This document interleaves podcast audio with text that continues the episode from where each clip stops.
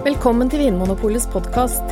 I panelet i dag sitter programleder Trond Erling Pettersen og varefaglige rådgivere Anne Engrav og Anders Stueland.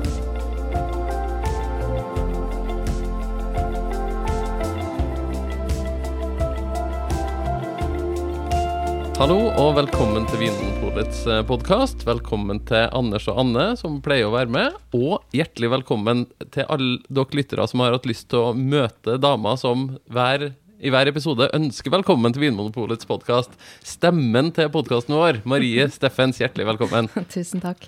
Du er jo ikke bare voiceover artist eh, når det gjelder å ønske velkommen til podkasten vår. Du er jo redaktør for Vinbladet. Mm. Den flotte publikasjonen som vi vel kan eh, anbefale alle og enhver om å ta med seg gratis fra butikkene våre. Og abonnere på der finner man masse, masse godt stoff. Eh, du, og fine bilder. Og, ja, fine ja. bilder. Gode tekster skrevet av mm. blant annet Anders Stueland og Anne Engrav og mange og andre flinke, flinke folk. ja. eh, men grunnen til at vi har eh, bedt deg hit i dag, Marie, er jo fordi du er skal vi si at du er polets autoritet innen Belgia og belgisk ølkultur. Ja, I hvert fall litt over snittet interessert. ja, og så er du en av de få i Vinmonopolet som kan snakke eh, Simon belgisk, eller? Nei, det fins jo egentlig ikke noe belgisk språk, da. Eller det vil si det fins tre belgiske språk, men ikke noe som heter belgisk. Nei, Hva snakker man da? Eh, man snakker eh, fransk, mm. nederlandsk og tysk. Ja, Så det er nederlandsk det er jeg da skulle si at du kan? Ja. Mm. Det er litt gøy. Jeg er litt imponert. ja. Og eh, det er jo da en av våre kjære lyttere som har sendt inn et spørsmål, eller et ønske til oss. Han heter Eivind, Eivind Bus, Busengdal. Det, var, det etternavnet har jeg aldri hørt uh, før. Det var fint. Eh, og Eivind skriver følgende. Hei, jeg ønsker meg en runde med øl og nasjonaliteter. Og første episode bør selvsagt være Belgia. Selvsagt. Landet som har fått ølbryggetradisjonen sin på UNESCO sin verdensarvliste trappist, cessau, surøl osv. osv. osv. Og det skal vi selvfølgelig hjelpe Eivind med, så i dag folkens, skal vi snakke om belgisk øl, belgisk ølkultur og litt sånn om, om det fascinerende landet Belgia. Er du med på det, Marie? Ja, jeg er med. Så bra. Eh, og du, Kan du bare fortelle litt først om ditt forhold til Belgia? Du har vært masse i Belgia og eh, studert belgierne på nært hold? ja, jeg har studert dem litt på nært hold. Jeg bodde der i halvannet år. Og har vært der veldig mye, både før og etter det, da. Mm -hmm. eh, og det var jo øl som var starten på det hele for meg. Mm -hmm. og Vinmonopolet, tur i Vinmonopolregi. Mm -hmm. Og så ble jeg bare bergtatt ja. av uh, Belgia og de rare belgierne og mat- og drikkekultur og mm. allmennkultur. Ja. ja, allmennkultur i Belgia. Da ser jeg for meg smurfer, smurfer. og andre tegneseriefigurer. Mm -hmm. Jeg ser liksom ikke for meg at det er ordentlige folk i Belgia. Er det, er det bare noen små blå Det spørs vel litt hvordan du hvordan definerer ordentlige folk, da jeg. For uh, man kan jo av og til lure. Nei da, men de er jo, altså, jo smurfer og, og, tegneserier. Altså, belgierne er veldig sånn lekne og De er litt sprø på en måte. Altså, de er veldig sånn individualister og veldig Eh, de har veldig mye morsomme kultur knyttet til alt de driver med, og mange gamle tradisjoner som de holder i hevd. Um, og de er glad i å kle seg ut og holde fester og sånne ting? Veldig glad i å, å, kle seg ut og ha festivaler. Det fins festivaler for alt. Og alle små altså Som vi alle vet, så er det mange byer i Belgia. Og alle har sine lokale tradisjoner knytta til mat og drikke og andre ting. De har gjerne sin egen festival alle sammen, og sine egne eh, tradisjoner og, og, og sine egne kostymer og, og, ting. Det er veldig mye morsomt, altså. Og, og dette henger sikkert litt sammen med hvorfor det er en så rik ølkultur også i Belgia? Ja, det tenker jeg kanskje at det, det, er, eh, det, er, ganske sammenfallende på en måte, både den, den generelle kulturen og ølkulturen. Mm. Og så er det jo litt sånn at um, historisk så har det jo aldri vært noen, noen renhetslover i Belgia. Sånn som det har vært på, for tyske bryggere. Ja, og har... til dels i Norge også har vi jo liksom sett litt den her tyske renhetsloven om at øl skal bare bestå av vann, humle, gjær og Malt. Malt, mm. Ikke sant? Mm. Ikke noe tull. Ikke, nei. nei, ikke men, noe tull. Det der rene og litt sånn litt sånn A4. Mm, man Mens, setter opp i skjema. Men i Belgia så, så tar man ikke så lett, eller så, så, tungt på det. Altså Man bare kan tilsette og gjøre hva man vil, egentlig. Livet, en lek, livet, en ja, fest. Vi, alt er lov. Så de pøser jo på med, med krydder og frukt og alt mulig rart. ikke sant? Jeg mm. tenker at det også henger litt sammen med at, at tidligere så var, um, så var, det jo ikke brukt humle i Belgia. Det kom jo opprinnelig fra Tyskland. Um, mm. Og de brukte noe som heter krut istedenfor. Altså en blanding av ulike kryddere ja. som ble tilsatt øl istedenfor humle. Som en suppekvast, liksom? Eller? Nei. Ja, ja, akkurat hvordan dette ble tilsatt, det vet jeg ikke helt. Nei, for det er snakk om en, en type urter? Ja, det er en blanding av urter og kryddere og forskjellige ting. ja. Mm. Og det var vel eh, for å, å, gi det smak og struktur, men mm. også kanskje tenkt litt for uh, å, å, virke mm, konserverende, da, som jo humlen også er. Mm. Eh, så mm. mm. Vi skal snakke litt uh, mer om ulike typer øl og måter å lage øl på i Belgia etter hvert. Men jeg, jeg har ikke helt lyst til å slippe det her med liksom ølet som kultur i Belgia, og liksom hvilken plass ølet har i det, det belgiske samfunnet, den belgiske kulturen. Hva er det som er på en måte eh, så viktig med den belgiske ølkulturen at, at den på en måte blir regna som en del av verdensarven? Kan du si litt om det, Marie? Altså, Belgia blir jo ofte framstilt som et veldig splittet land.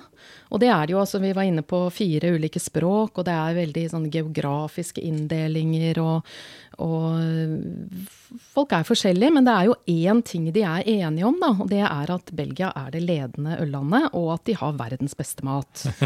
Og det er, det er jo et det, det lim alle, i samfunnet. Ja, Det er kanskje ikke alle andre land som er enig i at Belgia har verdens beste mat. Jeg tror Hvis du hadde spurt oss rundt bordet her, så er det kanskje ikke Belgia vi hadde satt øverst, men det er jo De er i hvert fall fornøyd med seg sjøl. En godt bevart hemmelighet, kanskje. ja. ja, for hva er liksom en belgisk spesialitet? i mat? Veldig mange forskjellige, da. Det fins jo ikke én, men altså Molfritt er jo ja. opprinnelig belgisk. Så er det jo mye stuinger. Altså, de bruker jo øl til mat, men de bruker jo også øl i mat. Det er jo en del sånn, ja, litt sånn substansiell, eh, næringsrik mat. Næringsrik mat, ja. For jeg har vært i eh, Belgia. Og gryter mm. og, og, ting. Og mye frityr eh, liker de òg. Ja. mye brunt. Ja, litt brunt. Mm. Jeg husker at vi var en uke i Belgia, og hver lunsj så var det alltid, kom det alltid fritert ost på bordet. Mm. Det, ja. Ja. Ja. Den, jeg savnet litt variasjon etter hvert. Men kanskje verdens beste friterte ost. Da. Jo, men det er veldig godt, det. Men, mm. og, og, den kjente retten salade liégeoise, den er jo det, Den høres jo litt grønn ut, ikke sant? salat fra Liège. Den er, ja salat fra Liège. det er en brun uh, gryterett.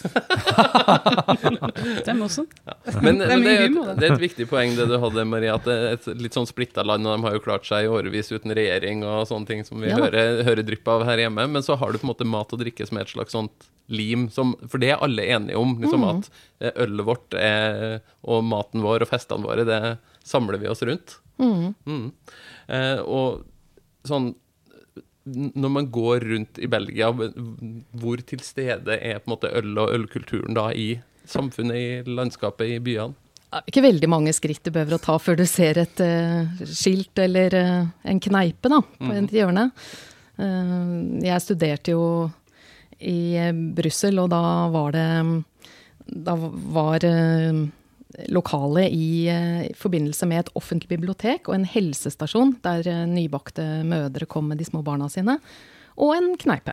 Og med ølskilt på utsida. Da hadde man på en måte de viktigste tingene, de viktigste institusjonene i samfunnet samla på ett sted. Det ja. kommunale servicesenteret, på en måte. Ja. Mm. Nei, så man, må, man behøver ikke å gå langt før man ser øl og ølkultur. Men det er jo ikke sånn at alle disse kneipene som fins på hvert hjørne, har et så bredt utvalg av eh, belgisk øl som vi tenker på, som vi finner i en ølhylle på, på polet, da. Det er jo for belgere flest, som alle andre, holdt jeg på å si, de, de, drikker mest eh, pils, rett og slett. De mm. også. Ja, litt sånn industrielle lyslager. Det, ja. Det er det, det, det går mest av, som i resten av verden, antageligvis. Mm. Og selv om de er veldig stolte av øltradisjonene sine, så er det ikke nødvendigvis sånn at alle kan veldig mye om det. Hva med ølturisme, er det stort i Belgia? Ja, det er ganske stort. Mm. Er det, det noen, vel... noen, av dere Anders Anne, som har vært på bryggeribesøk i Belgia? Å ja. Nei, ikke ennå. Kanskje snart. Jeg har vært på ganske mange. Mm. Ja, det har jeg. Og det er, er, belgiske bryggere annerledes enn bryggere i andre land? Um, hmm, hmm, hmm. Ja, de er veldig oppsatt på det at du ikke skal spytte ut ølet når du smaker det. Mm. Al alkoholmisbruk, som min svigerfar ville ha sagt. De sier at det er veldig viktig at du svelger ølet for å kjenne bitterheten i ølet. Mm. Ja, men, Så da har du krangla litt? Ja, har krangla en del, eh, og fått lov til å spytte. Mm. Ja. Eh, Marie, går det an å beskrive liksom belgisk øl med en fellesnevner? Hvis man, eh, hvis man skulle på en måte satt et stempel, eller eh, er det et kjennetegn på, på belgisk øl, hvordan det lukter og smaker? Det er jo så mange forskjellige typer, da, så det er litt vanskelig, det. Eh, det er jo fire ulike gjæringstyper annet som brukes, og som gir helt forskjellige eh, resultater. Ja, hvilke da? Eh, ja, det er jo de undergjærede ølene, altså pils lager-type. Mm. Og så er det overgjæret øl, som kanskje er det som er best kjent. Mm. Så den familien som på en måte Ales tilhører, Ales, ja. Pale Ale og IPA og Blond og en del sånne mer fruktig øl, kan mm. vi kanskje si. Mm. Eh, og så har du jo spontangjæret øl. Ja, det er det eh, vill, villgjær? Ja. Vill, villgjær. Og det blir gjerne en litt sånn syrlige øl? Ja. Er det bakterier med også, da? Ja, det er ja. både gjær- og bakteriekulturer. Ja. Du snakket om at det var tre språk i Belgia. Tysk, fransk og Flamsk eller nederlandsk? Nederlandsk. Eh, er det sånn at da vi kan si at eh, det undergjæra ølet er det tysktalende ølet? og det overgjærende er eh, det franske, og det spontangjæra er det nederlandske? Nei, det er Nei, selvfølgelig det er ikke, sånn. ikke, så enkelt. Nei. Nei. Det var bare et forslag. Ingenting er så enkelt i Belgia, Anders. Det burde du sikkert skjønne. Ja, det var tre, og så var det en fjerde Ja, så er det en sånn blandet gjæringskultur, hvor man først lager et overgjæret øl. Som siden blir ettergjæret. Altså ettergjæring på flaske er jo, eller på fat for så vidt, er jo også veldig vanlig belgisk øl. Ja. Og her blir det tilsatt melkesyrebakterier. Dette er en flamsk øltype. Audbraun, aud rådbraun oh, Det er så deilig å høre når du snakker sånn ja. nederlandsk. Gammel brun, ikke det det betyr? Jo, det betyr jo det. Mm. Gammelt brunt øl. Gammelt brunt øl. Rødbrunt øl. Men uh, når man sier out, så er det jo ofte liksom den gammeldagse måten å lage det på. Det betyr ikke nødvendigvis at ølet er gammelt. Nei. Mm. Um, ja, og det, der er det også ulike gjærtyper og, og bakterietyper som fins i disse gamle fatene som brukes til ettergjæring og lagring. Da. Så akkurat som det på en måte fins flere språk og eh, stort mangfold i belgisk kultur, så fins det et stort mangfold i belgisk øl òg, fra liksom surt øl til ganske sånn rikt og sødmefullt eh, krydra øl, og lyst og mørkt og lett og alkoholsterkt. Det virker som det er plass til det meste ja. i Belgia. Ja. Skal vi ta, gå gjennom noen av de her hovedølstilene, da, kanskje, som uh, Eivind spør etter her? Han nevner trappistøl. Kanskje vi skal begynne der? Begynne hos uh, Guds uh, utsendte. Hva er trappistøl for noe? Ja, eh, er det jeg som skal svare, siden jeg er munk? Ja, du, du, er den som har mest munkeaktig utseende av oss. Ja, og trappistøl er jo Eh, strengt tatt egentlig ikke et, eh, noe som bare er belgisk øl, men det ligger jo en del eh, trappistbryggerier i Belgia. Og Det som er spesielt med dem, er at de er tilknyttet et kloster i trappistordenen. Ja, Så trappistordenen det er en sånn munkeorden? Ja. ja. Mm. Og da er Det sånn at det er de som skal ha ledelsen eller overoppsynet over bryggingen, og bryggingen skal foregå på altså, eiendommen til klosteret. Eh, men det kan godt være folk utenfra som jobber på bryggeriet. Ja, Men det er munkegodkjent øl? Ja, og så går overskuddet til eh, veldedige formål, så vidt jeg vet. Mm. Mm. Ja. Det fins jo trappistnonner også, for øvrig. Gjør det det? Og de lager også andre typer ting enn enn øl, men det er jo bryggeriene som kanskje er mest kjent, da. Ja, Ost blant annet, ikke sant? Jo. Ja. Ost og honning og masse og honning, forskjellig rundt omkring i verden. Og såpe. Og jeg var hos noen nonner som uh, dyrket sjampinjonger. Mm. Trappistsjampinjong? Mm, trappistsjampinjong. Ja. Akkurat, ja. Så man kan egentlig klare seg bra med trappistprodukter. hvis man Men ja. innenfor denne kategorien Marie, så finnes det jo på en måte både det finnes lyse trappistøl og mørke trappistøl, og en mm. som på en måte kjennetegner den denne stilen? Ja, altså det er jo, det er jo veldig rike øl. Eh, du har jo de, de, tre mest kjente stilene er jo blond, eh, som er eh, et, et rikt, overgjæret fruktig øl. Mm, men ganske lyst og fruktig. Lyst, ja. Mm, og så har du dubbel, som gjerne er mørkt og enda litt fyldigere, men ofte ikke Kanskje ikke med like stor komplek eh, mangfoldig kompleksitet, på en måte. Um, og så har man et trippel, som også gjerne er lyst igjen, men som er sterkere. Uh, og så er det en, noen som lager også kvadruppel, da, som blir sterkt og ordentlig punchy. Ja, Det er da festølet til munkene. Ja. Men i tillegg så ja. lager jo mange et svakt øl som ikke selges eh, kommersielt, men som er til eh, bruk for munkene selv. Som er svakere enn en, og lettere, friskere enn en, en blond, da. Og når er det munkene drikker det ølet, da? Nei, altså de lever jo, disse trappistmunkene lever jo under uh, mottoet eh, be og arbeide, så drikker de litt øl innimellom. Ja, så de må, ha, de må, ha, lett øl, så de skal huske å både be og arbeide, da, og mm. ikke bare gå og legge seg etterpå.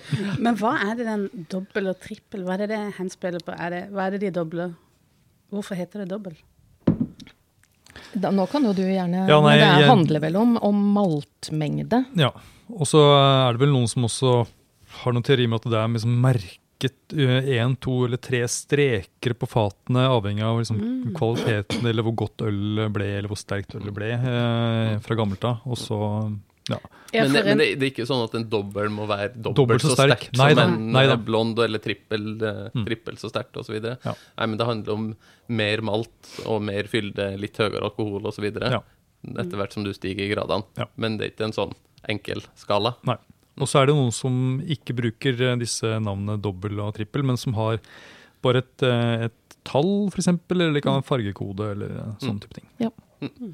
Så det var trappistøl. Mm. Um, og så er de merket som trappistøl. Det er en sånn en sekskant, er det ikke det? Jo, det tror jeg. På, det, det, det, er et sånt merke på etiketten, sånn at man kan se at det ølet her kommer fra en, et godkjent trappistkloster. For det finnes jo mye annet klosterøl som ja. ikke som ikke kommer fra et kloster, men som er i samme stil. Ja. ja. Um, og så nevner Øyvind her ølstilen Saison. Uh, og da er jo det et øl som på en måte har en viss historie. Det er et gårdsøl opprinnelig, er ikke det, Marie? Jo, altså det ble jo brygget på vinteren, da folk hadde tid på gårdene til å drive med annet. Eh, og så ble det servert eh, om sommeren til landarbeiderne. Eh, de som drev våronn og, og, sommerarbeid på gården. Da. Man skulle og, få noe å leske strupen med? Ja.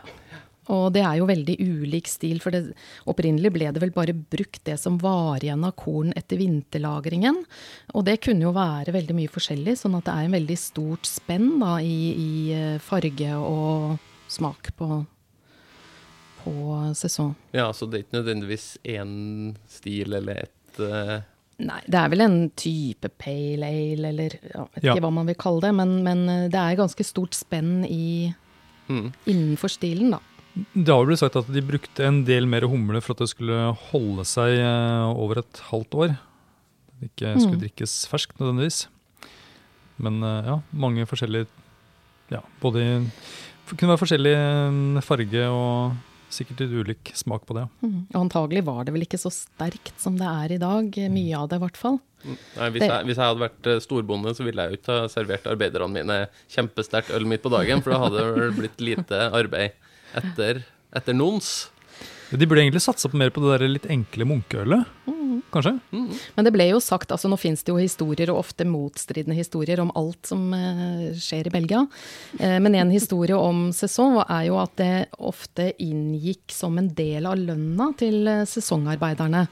Og derfor så var dette også en måte å tiltrekke seg de beste arbeiderne, for det var jo rift om å jobbe på den gården som hadde det beste ølet. Ja, det, det kan jeg forstå.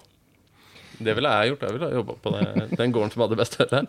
Og, og Cézot og det som også kalles Farmhouse Ale, som gjerne er inspirert av Cézot, det er jo blitt en veldig populær ølstil uh, utenfor Belgia også.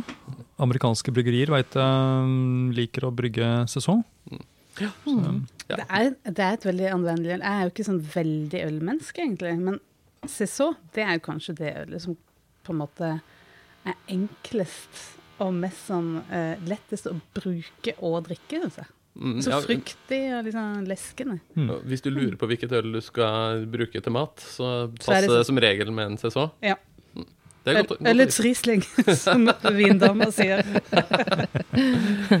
mm, og så, Anders, har vi jo eh, et av dine kjærlighetsbarn, nemlig eh, øl som er ganske surt, og gjæra ved hjelp av andre ting enn vanlig gjær. Ølets ja, champagne. Ølets champagne var det som Marie snakket om, disse spontangjæra ølene. Mm. Ja, da snakker vi om uh, lambic, selvfølgelig. Og spesielt gøs, da, som er sånn, den boblende versjonen av uh, lambicen. Ja, Marie, kan du uh, som den belgiske autoriteten her oppklare litt for oss? lambic og gøs, sier Anders her, som er på en måte to ord som på en måte betyr det samme? Ja, du kan si at lambic er samlebetegnelsen på denne type typen overgjæret Nei, unnskyld, spontangjæret øl. Ja. Surøl, som vi Sur, kanskje kaller surøl, det mer i dagligtale. Mm. Som, eh, som, da lages på, i et eh, egentlig ganske lite område sør-vest for Brussel. Både i, inni flamsk og eh, vallonsk eh, område, da, Brabant. Vallonsk, hva er det for noe? Eh, ja, det er den franskspråklige delen i sør, som heter Vallonia. Mm. Ja. Um, det, det, er ikke alt som er så enkelt å forstå i Belgia. jeg glemmer meg litt. ja. Uh, hvor var jeg? Jo, Lambik og gøs. Uh, jo. Mm. Um, så Lambik er en samlebetegnelse, men det betegner også et ferskt uh, øl.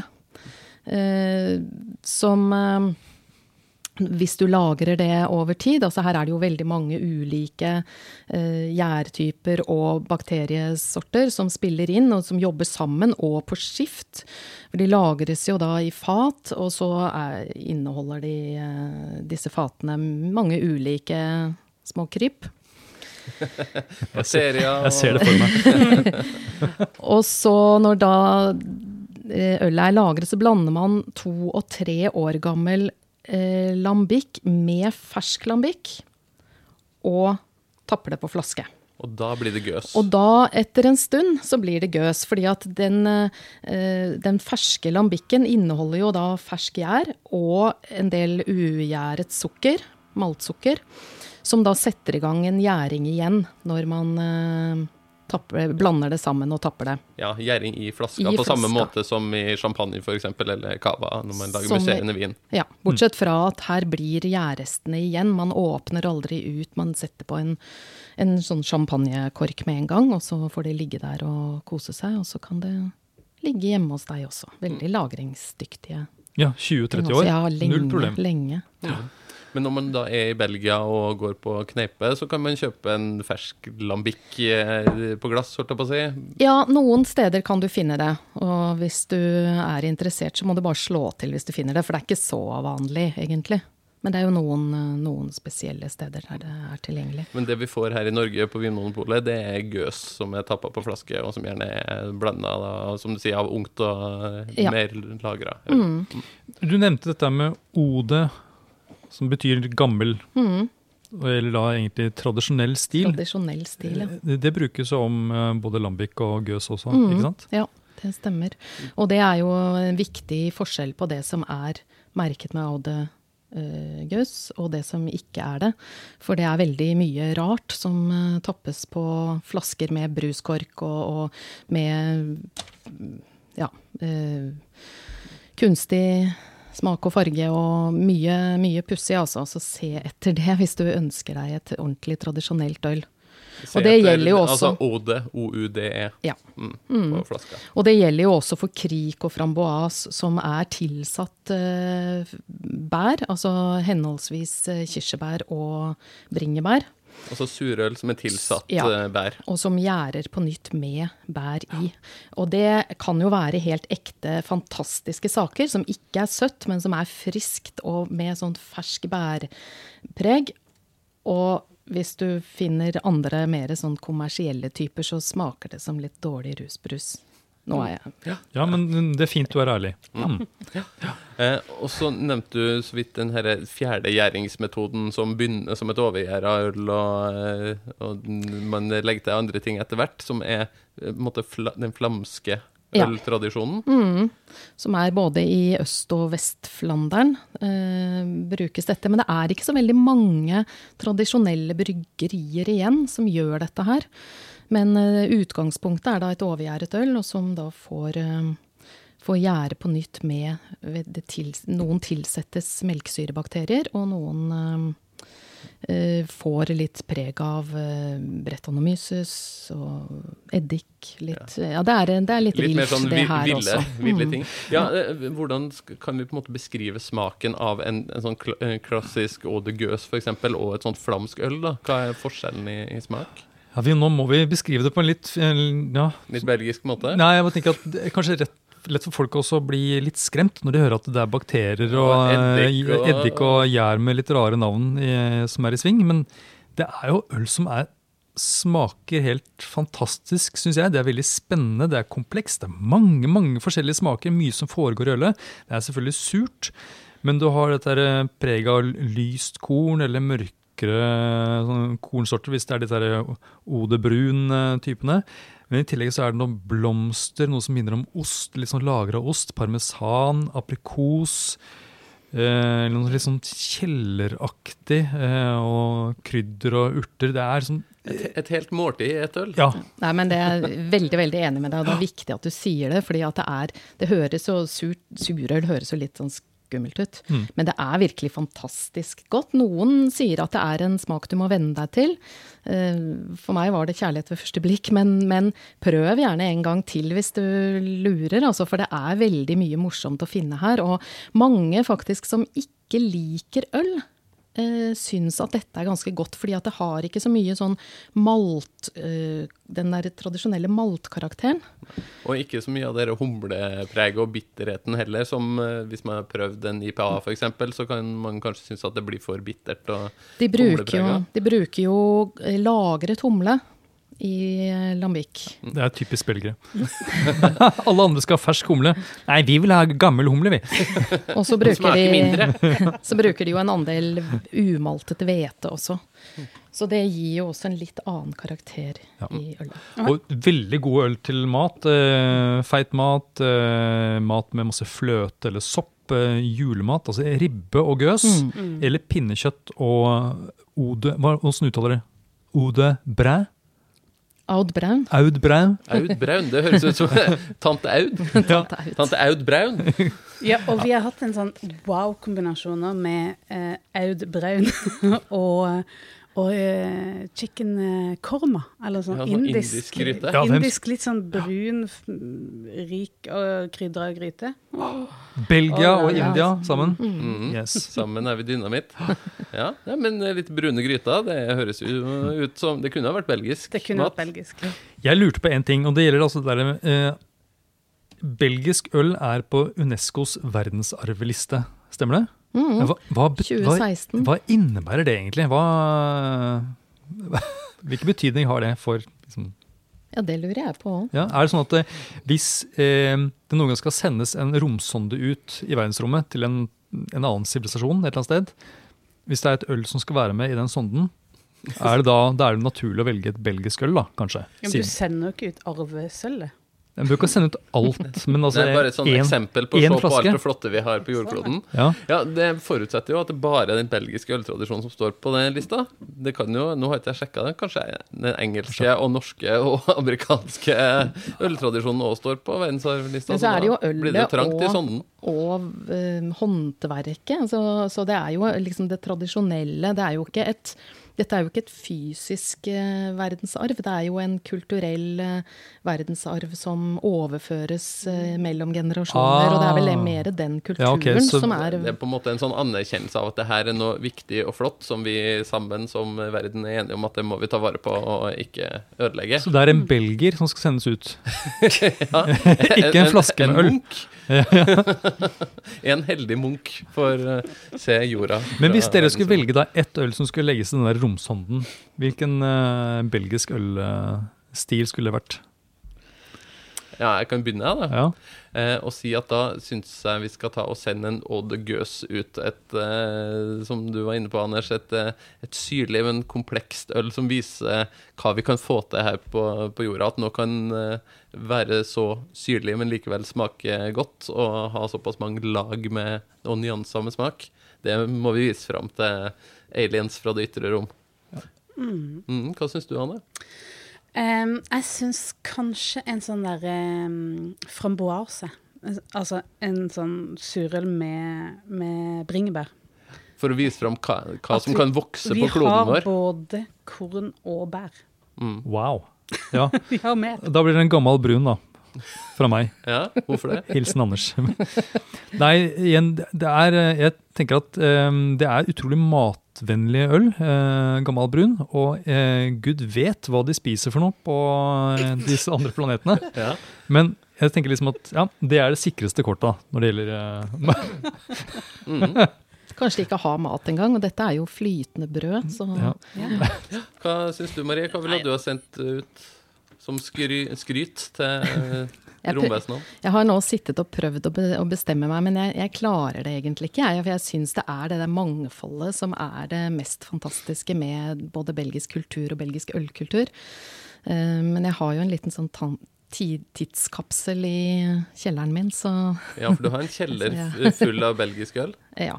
Hmm. Kanskje vi skal invitere romvesenene ned dit? Så jeg tror heller jeg søker tilflukt der enn å sende noe ut. og hva skal vi servere, servere romvesenene når de skal få smake på alt det gode belgiske ølet du har i kjelleren? Hmm. Det blir molfritt, da, kanskje? Blåskjell og pommes frites. Ja, tenk, om de er, tenk om de fra verdensrommet da er store blåskjell. Utrolig klein situasjon, da. Ja, ja, da vi... Eller poteter. ja, enda verre.